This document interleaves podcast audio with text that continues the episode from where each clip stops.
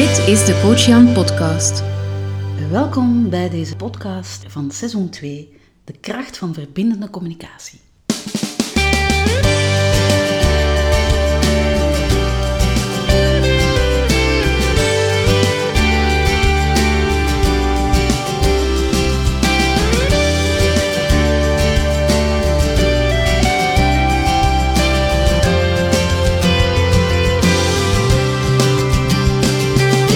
Welkom bij de Coach Jan podcast, jouw online gids naar een sprankelend en betekenisvol leven.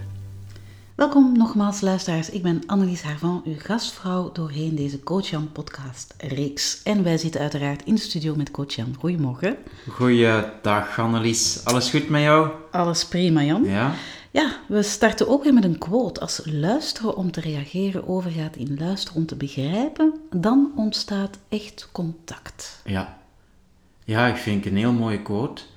Ehm, we zijn toch eigenlijk zo vaak bezig met gehoord willen worden. Hè? Als ik, ik zo soms zie op vergaderingen of eh, ja, gesprekken tussen mensen, dan zie ik heel vaak mensen nadenken over wat dat ze gaan zeggen.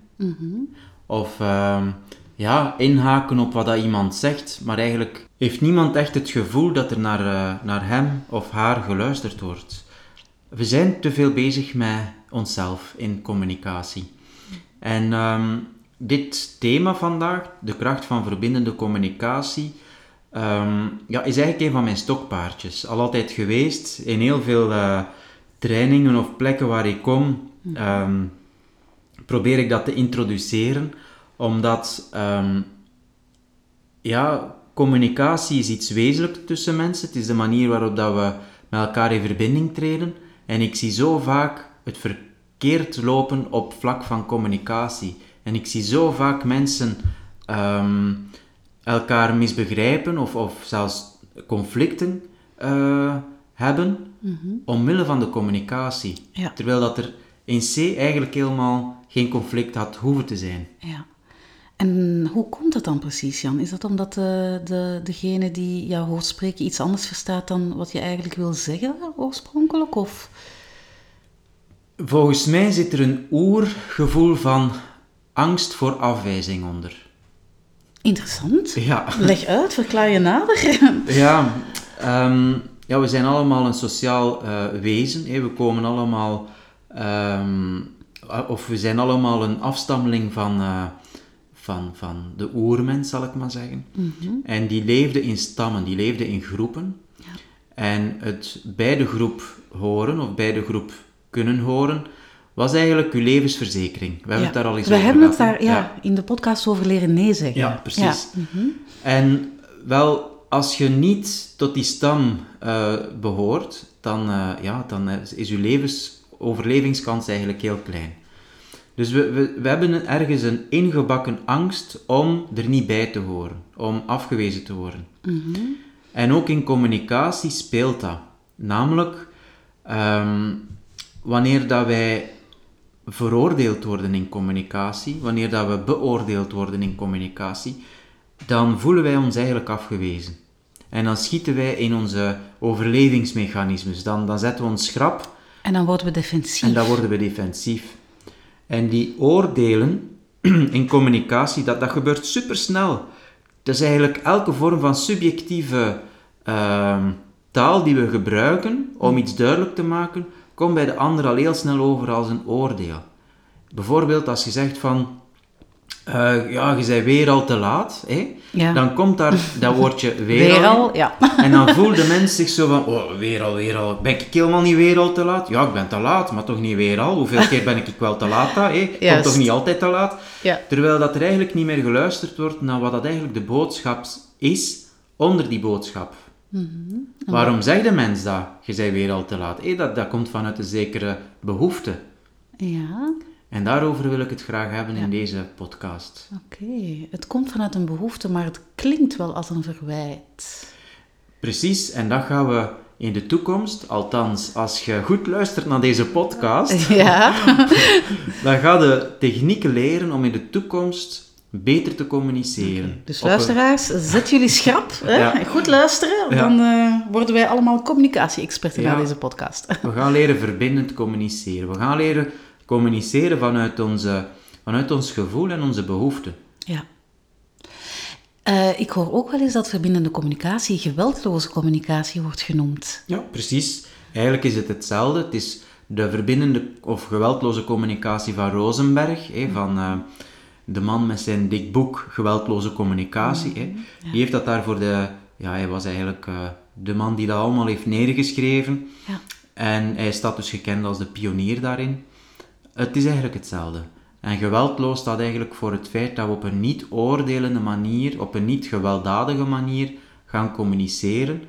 Ik eh, gebruik al eens wel eens de, eh, de metafoor van zeggen wat er op uw lever ligt zonder tegen de schenen te stampen. Ja, dat is toch wel een hele kunst, lijkt mij. Ja, precies. En wat dat we dan heel vaak doen is, ja, we zeggen niet meer wat dat er op onze lever ligt, omdat we bang hebben dat we op eh zere tenen gaan trappen. hè. Dat Mhm. ja, is, dat is een probleem, want ja, dat gebeurt vaak volgens ja, mij. dan ja. ga je conflicten vermijden. Ja, maar dan kroop je het allemaal op totdat de, hè, de, de emmer eh, spreekwoordelijk vol is. Hè? Ja. En dan ontplof je. En dan ontploft het, dus dat is eigenlijk geen goede eh, strategie. Want ja, als jij ermee blijft zitten en je kropt het op, je voelt je daar niet goed bij, denk ik. Eh, maar de andere strategie, namelijk het gewoon altijd zeggen, zonder rekening te houden met die ander. Ehm, en als je tegen de schenen schopt, weet je eigenlijk dat de ander ook niet meer bereid is om te luisteren. Dat is ook geen goede strategie. Dus de strategie van verbindende communicatie heeft, ehm, en ik hoor dat hier vaak in mijn praktijk, heeft echt al koppels gered. Echt? Ja, tuurlijk. Oké. Ja, want Dus het is echt een methodiek dan, Jan.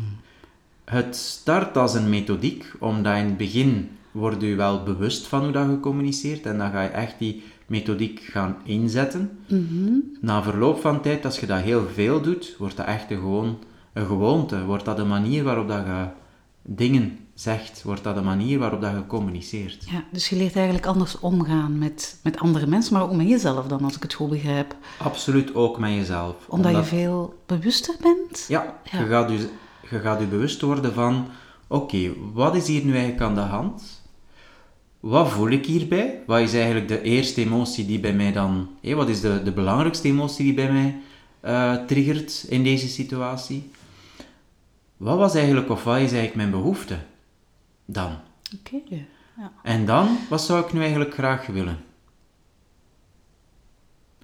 En dus als je die stappen gaat ehm, overlopen voor jezelf, naar aanleiding van een bepaalde situatie, dan kom je dus één, veel bewuster in contact met wat dat je zelf wilt.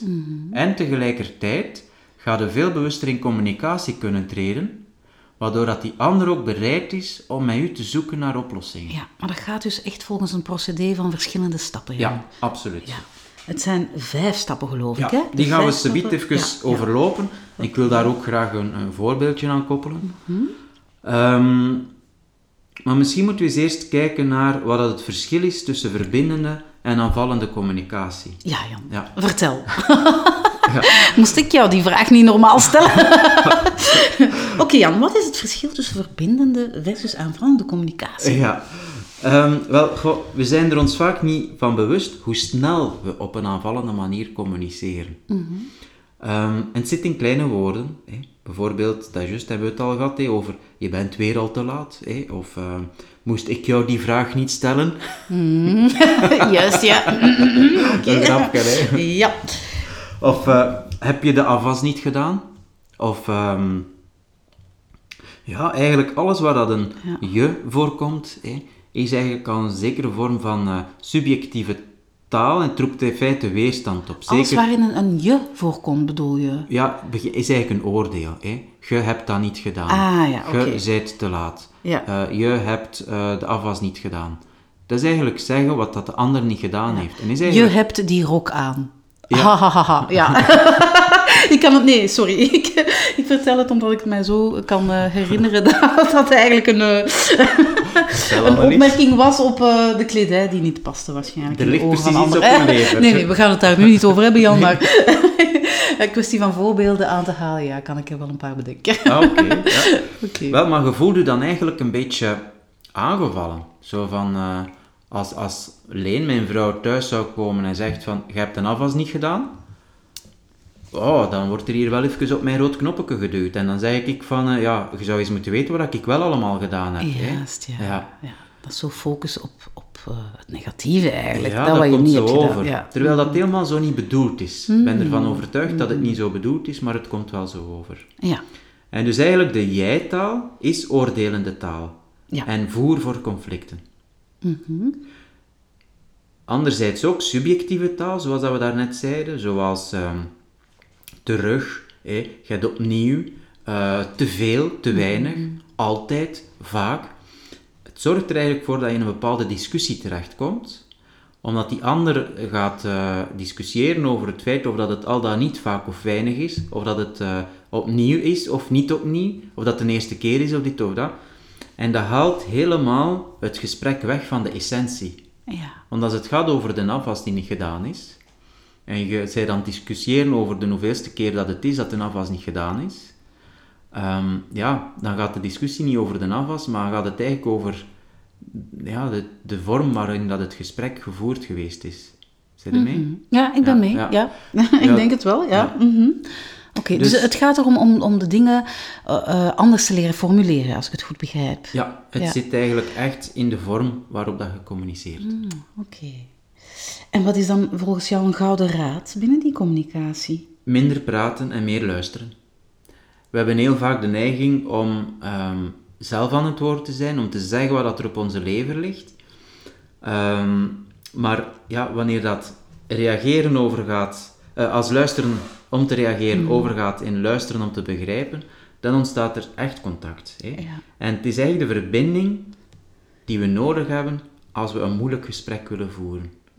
Dus actief luisteren is hier echt wel de boodschap. Actief luisteren. Precies. ja. Luisteren om te begrijpen, wil je daar Luisteren om te begrijpen. Ja, oké. Heel vaak op vergaderingen, ik heb het daar juist ook al eens aangehaald, maar zie ik ehm, iemand starten met een, met een voorstel of met een idee en ik zie daar dan ander, iemand anders die zegt van ehm, ja, maar, hé, bla bla bla bla bla, en iemand anders die zegt ja, maar, hé. en eigenlijk krijg je zo alsof dat men aan het opbieden is tegenover elkaar om, om het er meest of om het er best voorstel te formuleren of Ja. om te winnen. Ja. Eh, Is het, is het Heel precies- vaak gaat het daar, daar precies over. Hè? Ik wil winnen. Ik wil mijn gelijk halen. Ja, Annelies, ja. dat is het. En dat gaat eigenlijk, dat, soort, dat staat eigenlijk in de weg om, om een gesprek te voeren waarin dat iedereen gehoord is. En het idee is eigenlijk dat wanneer dat iemand niet gehoord is, gaat hij dat opnieuw zeggen. En dat gelijk halen, dat gaat over die afwijzing natuurlijk, Jan. Voilà. Nu valt de Ja. puzzel in elkaar. Ja. Ja. ik wil gelijk halen, want zo ben ik iemand, zo ben ik van belang in de groep en word ik niet afgewezen. Is, Voilà, is dat het? Oké, we zijn er. Ik kon het zo mooi niet formuleren, maar dat is het helemaal. Oké, bedankt voor dit inzicht, Jan. Oké, maar dus je zegt ja, binnen koppels is het belangrijk, maar ook binnen teams, geloof ik, hè? Ja, ja, het is op alle gebieden eigenlijk dat het ontzettend belangrijk is om op verbindende manier te communiceren. Moest eh, bijvoorbeeld eh, Obama en Poetin aan de tafel zetten. Ja, moesten die zo geweldloos communiceren? Dat zou wel fantastisch zijn, natuurlijk. Ja. Alhoewel dat ik mij wel kan voorstellen dat, dat die mannen dat uiteindelijk wel, wel doen, maar er zijn meerdere belangen natuurlijk. Maar goed. Ehm, dus ook in teamwerk is dat ontzettend belangrijk. En er is een heel leuk boekje van Lencio- Lencioni, eh, De vijf frustraties van eh, teamwork, waarin dat hij eigenlijk iets heel moois zegt. Hij zegt eigenlijk, er zijn eigenlijk vijf frustraties in teams, waardoor dat er niet open en in een ehm, open communicatie kan gewerkt worden. Dat er eigenlijk, dat mensen zich goed voelen in een team. Dat mensen zich gezien voelen en gehoord voelen. Ja, vijf frustraties. Je, Vijf bedoelt, frustraties. je bedoelt vijf hindernissen dan? Ja, vijf hindernissen en ze stapelen elkaar op. Oké. En hij vertrekt vanuit het ideale beeld. Het ideale beeld is dat er vertrouwen is tussen mensen. Ook in u als, als koppel of bij vrienden. Dat er eigenlijk een zekere basisvertrouwen is. Ja. Van, ik mag hier zijn, ik hoor erbij, ik word gezien en ik mag fouten maken. Ja. En dat is de basis. En daarbovenop komt dat de mogelijkheid ontstaat dat er conflicten komen. En we hebben altijd zoiets, we voelen de stof van de stoel in onze poep kruipen als we denken aan een conflict. Zo van oei, Ja. oei, oei. Ja, Maar eigenlijk, dat, dat druk jij mooi uit, Jan. oei, oei, oei. Ja. maar eigenlijk is het goed van conflicten te hebben. Ja. Want een conflict stelt u in staat om iets aan te wijzen, om iets te duiden, En om daarover in gesprek te gaan en om te komen tot een consensus, tot een oplossing, waarin dat iedereen zich goed voelt. En dat is eigenlijk het derde die dan ontstaat, dat is de betrokkenheid. Dus eerst vertrouwen, dan conflict en dan betrokkenheid. En uiteindelijk ontstaat daardoor verantwoordelijkheid. Mensen gaan verantwoordelijkheid nemen voor de beslissing die dan gevallen is. Ze voelen zich betrokken, waardoor dat er dan ook tot resultaten kan gewerkt worden. Ook in een, in een relatie met iemand, bij vrienden, in een vriendengroep. Overal speelt dat eigenlijk. En dan, wat gebeurt er heel vaak? Dat is het omgekeerde. Dat is eigenlijk dat er in een groep een zekere vorm van onkwetsbaarheid zit. In plaats van vertrouwen zit er zo onkwetsbaarheid.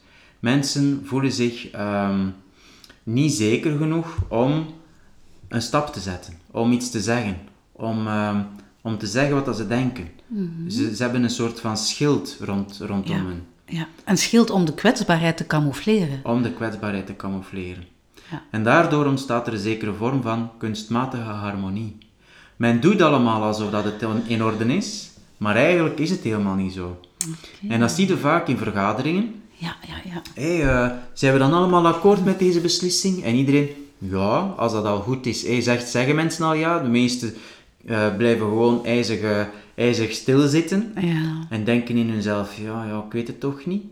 Ze gaan naar buiten en in de gang begint het. Zeg, ik denk toch niet zeker dat ik dat ga doen, hè. Ja, ik zie dat toch ook niet zitten, hè. Ja. Dus er wordt niet openlijk gecommuniceerd. nee. En daardoor ontstaat er vaagheid. Ja, dus omwille van die kwetsbaarheid die dat ze eh, afschermen, gaan ze niet echt duidelijk zeggen, of gaan mensen niet echt duidelijk zeggen wat ze echt denken. Ja. Ja. En, en men bereikt eigenlijk geen resultaten. Want ja, door die vaagheid, iedereen zegt ja, maar denkt nee. Mensen zijn niet betrokken. Mensen nemen dus ook geen verantwoordelijkheid. Ja. En de resultaten blijven uit. Allemaal uit angst om op te komen voor de eigen mening. Precies. Ja, en dat gebeurt sneller dan, dan dat we denken. Het gebeurt bijna elke dag. Eh, je moet daar maar eens zelf bewust van worden. In welke situaties dat je in zo'n situatie terechtkomt, waarin dat je voelt van, goh, ik kan hier mezelf niet zijn, of ik durf hier niet zeggen wat ik eigenlijk echt denk. Ja. Mhm. Dus dat is eigenlijk kunstmatige harmonie versus open communicatie. Inderdaad. Ja. Ja. Dus jij bent echt een, een pleiter van die open communicatie. Toch zeggen wat je denkt, maar dan wel volgens de regels van de kunst van de verbindende communicatie. Helemaal juist. Ja. Oké. Wat zijn dan die vijf stappen van verbindende communicatie, Jan? Wel, die vijf stappen, ehm, die zijn, om het even heel concreet te maken, 1. Waarnemen. 2. Gevoel. 3. Behoefte. 4. Stilte. 5. Verzoek. En ik zal dat even verklaren. hè. even, ja, Ja. even duiden. Precies. Dus eigenlijk, ehm, het waarnemen is eigenlijk op een hele objectieve, bijna letterlijke manier en zonder te oordelen of zonder te veroordelen zeggen wat er gebeurd is. Dus je gaat eigenlijk gewoon de feiten benoemen. Ja. Je gaat verwoorden wat dat mensen doen, los van het feit of dat je dat positief of negatief ervaart, zonder dat je daar een subjectieve taal in steekt, zo van eh, weer al en, en zo verder. En zonder dat je iemand daarbij aanwijst, van Ja. jij hebt dat gedaan. We gaan het heel feitelijk houden. Ja. Bijvoorbeeld, je hebt iemand die... eh, je hebt met iemand afgesproken, bijvoorbeeld om 9 uur, hè. En... Ja, ik was een beetje te laat. eh, niet weer al, nee, nee. De eerste keer, dames en heren. Ja, ik, ik verklaar me toch maar even nader. Hè. Ik eh, geef toch maar even een uitleg. Maar ja, bedankt Jan om me daarop te wijzen. Maar wacht dan, wat ik eigenlijk wou zeggen is, want Ja. je hebt een berichtje gestuurd, hè. Ja, dat is waar. Ja, Ja. Dus stel nu voor, iemand om 9 uur, eh, die laat eigenlijk niks weten, die is te laat, en die strompelt om 20 na 9 binnen. Ja. En die zegt daar niks van. En die komt gewoon binnen en die doet alsof dat er niks is. Pijnlijk. Ja. Ja. Dat is lastig, hè? want eigenlijk, persoonlijk ben ik iemand die ervan houdt dat, hè, dat we op tijd zijn, of dat ik tenminste weet dat iemand te laat gaat zijn. Dat Ja. vind ik heel belangrijk. En daar heb ik dan alle begrip voor, hè, Annelies? Ja, uiteraard, Jan. Ja. maar wat ik niet leuk vind, is dat iemand te laat is zonder iets te laten weten. Ja. Alsof het vanzelfsprekend is, dat er niks over gezegd moet Precies, worden. en- ja. Voilà. En dan, wat zou ik dan kunnen zeggen als die persoon binnenkomt? Eh, gewelddadig eh, of eh, veroordelende communicatie zou zijn van, eh, zeg, je bent te laat, of je bent weer al te laat, of je bent wel serieus te laat, hè. Ja. Juist, ja. Wel, en ik ben er zeker van dat de luisteraar waarschijnlijk nu denkt van oei, ja, dat zou ik inderdaad wel... Als ik het al zou zeggen, dan zou ik het op die manier doen. Wel, als je het op deze manier doet, dan ga je merken dat die andere persoon helemaal niet meer open staat om nog te luisteren naar wat dat je zegt. Omdat hij echt defensief wordt op zo'n moment. Ja, die gaat zeggen, oh, weer al te laat. Het is wel de eerste keer dat ik hier te laat ben, hè. Ja, een beetje zoals ik net deed eigenlijk. Oké, Jan. Maar hoe zou je dat dan best aanbrengen dan? Heel concreet, feitelijk en objectief. Het is 20 na 9, we hadden om 9 uur afgesproken. Ja, maar dan is er toch nog een grote kans dat de andere persoon het toch als een verwijt opneemt, of, of niet? Dat ligt dan helemaal bij die ander. Ten tweede, het zijn gewoon de feiten. Het zijn gewoon de feiten. Ja. Die ander gaat waarschijnlijk zeggen op dat moment, ah ja, inderdaad, het is, het is, sorry, ik, was, ik ben te laat. Ja. Maar dat beëindigt onze communicatie nog niet. Hè. Nee. Ja. Dus verbindende communicatie gaat erover dat je zegt wat er op je lever ligt. Je moogt wel de dingen benoemen. Hè.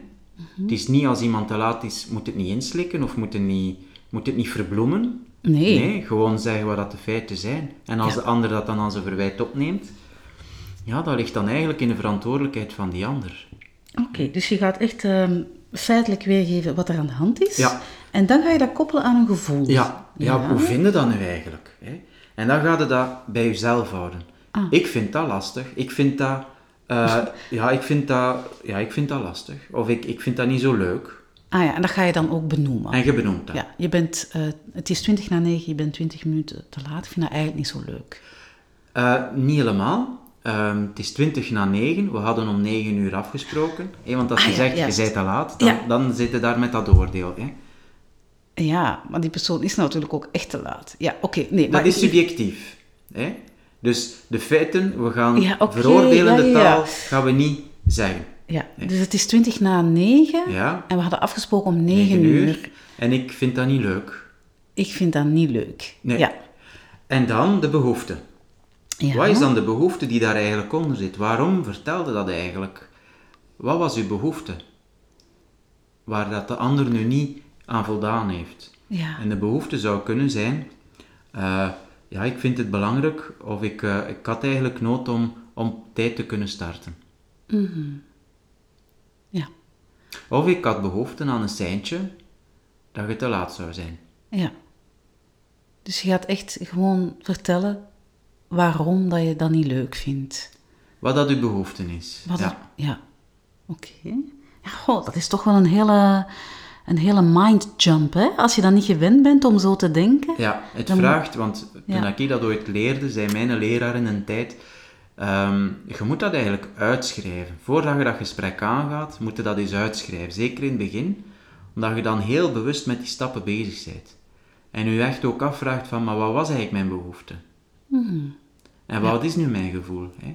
Dat je daarbij stilstaat, dat je dat uitschrijft, zodanig dat je dat ook even kunt inoefenen en dan dat gesprek aangaat. Ja. En dan kun je denken van, ja, gaat dat dan niet artificieel zijn of zo? Of gaat dat niet onecht lijken zo? Ja. Nee, in tegendeel. Het, het gaat gewoon veel vlotter. ja. Het wordt misschien authentieker ook, omdat je echt bij jezelf nagaat van, tja, Ja, ja. waarom wil ik dit nu vertellen? Ja, precies. Oké. Oké, dus je geeft feitelijk weer wat er gebeurd is, je koppelt het aan je gevoel, Mhm. Ja. eh, je geeft weer wat de behoefte erachter is, en dan zie ik hier stilte. Ja, en dat is de moeilijkste stap van allemaal. Het staat niet in het boek van Rosenberg, het is iets wat ik er zelf bij verzonnen heb, maar wat ik ontzettend belangrijk vind. Stilte. Stilte, uw mond houden. Totdat een ander gereageerd heeft.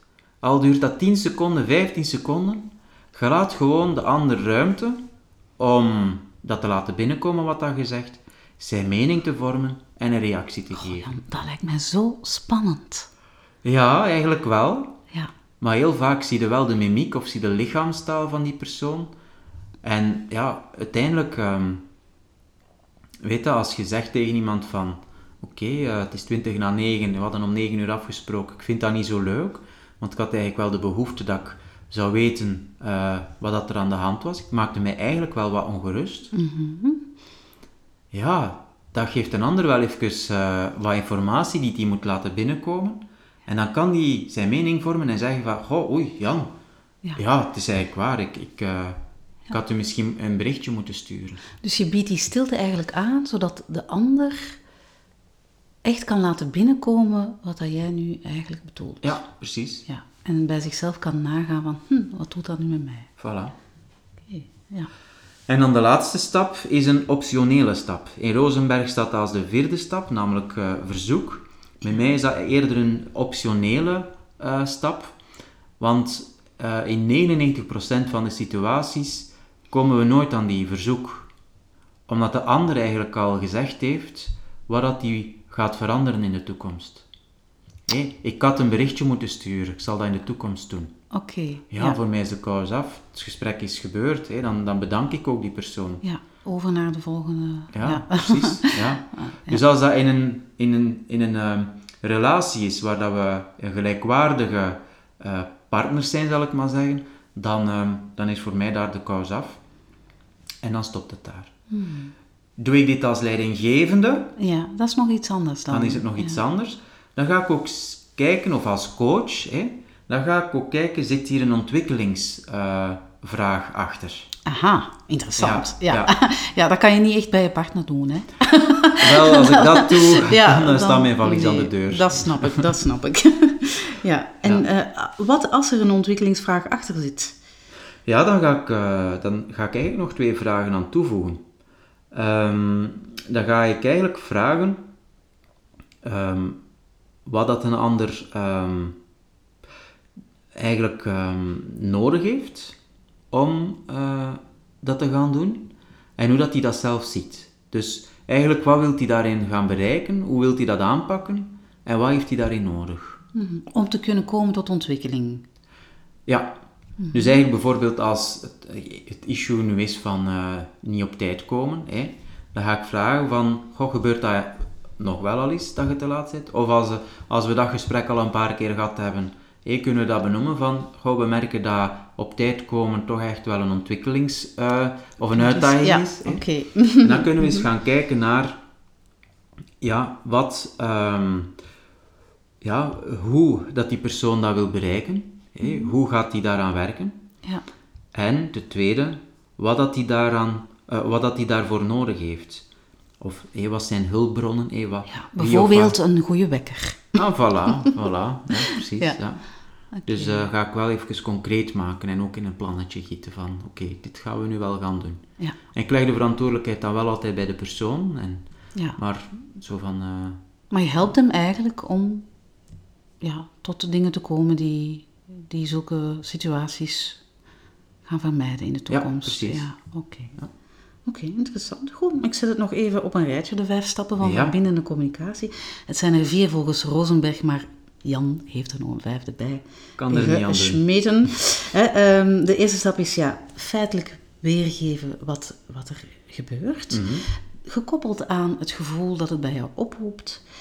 Gekoppeld aan de behoefte die dat eronder ligt.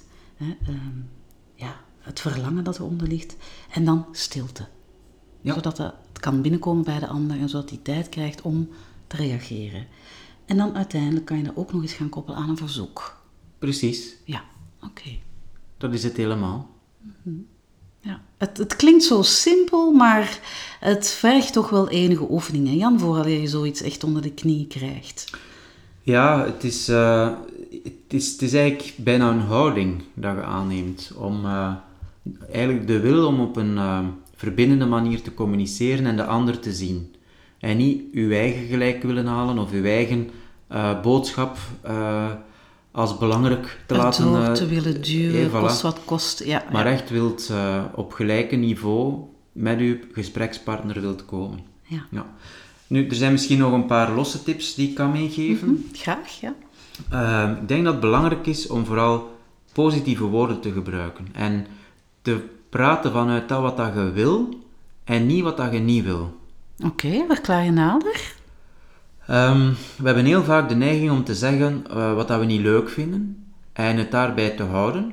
Terwijl dat het ook uh, of een verrijking kan zijn om eigenlijk net te benadrukken wat dat je eigenlijk in de toekomst meer wil. Ja, ja. En het gaat ook bijvoorbeeld over complimenten. Hè. We zijn zo heel vaak um, bezig met dat wat dat we niet leuk vinden en dat wat dat we wel leuk vinden, vinden we maar normaal. Hè.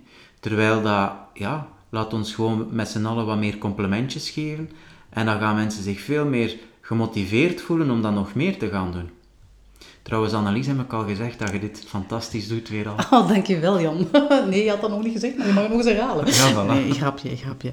Oké Jan, ja. dat lijkt mij duidelijk. Ja, misschien nog een tip. Mm -hmm. um, denk in heel die verbindende communicatie hangt het er dus echt vanaf dat je bewust wordt van je eigen gevoelens. En dat je die ook vertelt. Mm -hmm. En als je dat doet, ga je merken dat de relatie uh, tussen u en uw gesprekspartner dat die gewoon veel intenser wordt. Ja, maar uh, het is niet alleen de relatie met je gesprekspartner, denk ik, maar ook de relatie tot jezelf die veel intenser wordt. Ja, precies. Ja. ja.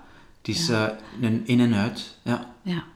De, oh, het wil wel zeggen dat je er ook tijd voor moet nemen. Hè? Dat je, ja, want bij jezelf stilstaan en bij jouw verlangens en jouw behoeftes, ja, dat wil wel zeggen dat je daar, dat je daar tijd voor moet nemen. Ja, hè? absoluut. En in die zin is het thema van vandaag, de verbindende communicatie, of de kracht van verbindende communicatie, een ideaal in combinatie met mindfulness. Want Juist, wat dat we leren in mindfulness is net om naar binnen te kijken. Te kijken naar uw gevoelens, naar uw emoties, naar uw gedachten, lichamelijke gewaarwordingen, u veel bewuster te worden van dat wat er allemaal speelt, om van daaruit bewustere keuzes te kunnen maken. Ja. En uh, als je zo'n mindfulness training zou volgen, zou je dan automatisch meer tot uh, die verbindende communicatie komen? Absoluut, want eigenlijk zit dat daar ook een klein beetje in, in de training. Uh, ah ja, ja. oké. Okay. Een thema is ook communiceren. Ja. Hè? Dus eh, in de mindfulness training. Oké. Okay. En misschien nog een allerlaatste tipje dan. Hè? Yes. Dat is um, om zeker te zijn dat je boodschap goed is aangekomen of overgekomen is Um, ja, je kunt altijd vragen aan die anderen hoe dat hij dat nu ervaren heeft, wat dat je gezegd hebt. En dan kun je altijd wel eens checken van, uh, goh, is dit nu eigenlijk op de juiste manier overgekomen? En hoe kijkt die ander daar nu eigenlijk ja. naartoe? En dat kan met de vraag van, wat doet dat nu met jou? Ja, bijvoorbeeld. Ja. Ja. Mm -hmm. Hoe klinkt dat voor u als ik dat zo vraag? Hoe of klinkt zeg? dat voor jou? Ja, ja, ja. Mm -hmm. Als je zo merkt dat de ander een beetje in een defensie kruipt of zo uh, zich wat afsluit, is dat een ideale vraag die wel eens gekend is bij therapeuten. Hè. Ja. Zo, zo eens vragen van, ja, hoe is dat nu voor u, als Ja. je dat zo vertelt? Ja, oké. Oké, interessant Jan. Uh, ik ga alvast oefenen. Mhm. Ik ook. ja, dat was het dan weer voor vandaag. Hè? Ja, Aflevering over verbindende communicatie. ja. Dankjewel Jan. Alsjeblieft. Eh, jij ook bedankt. Graag gedaan. Tot de volgende. Tot later. Dag. Dag.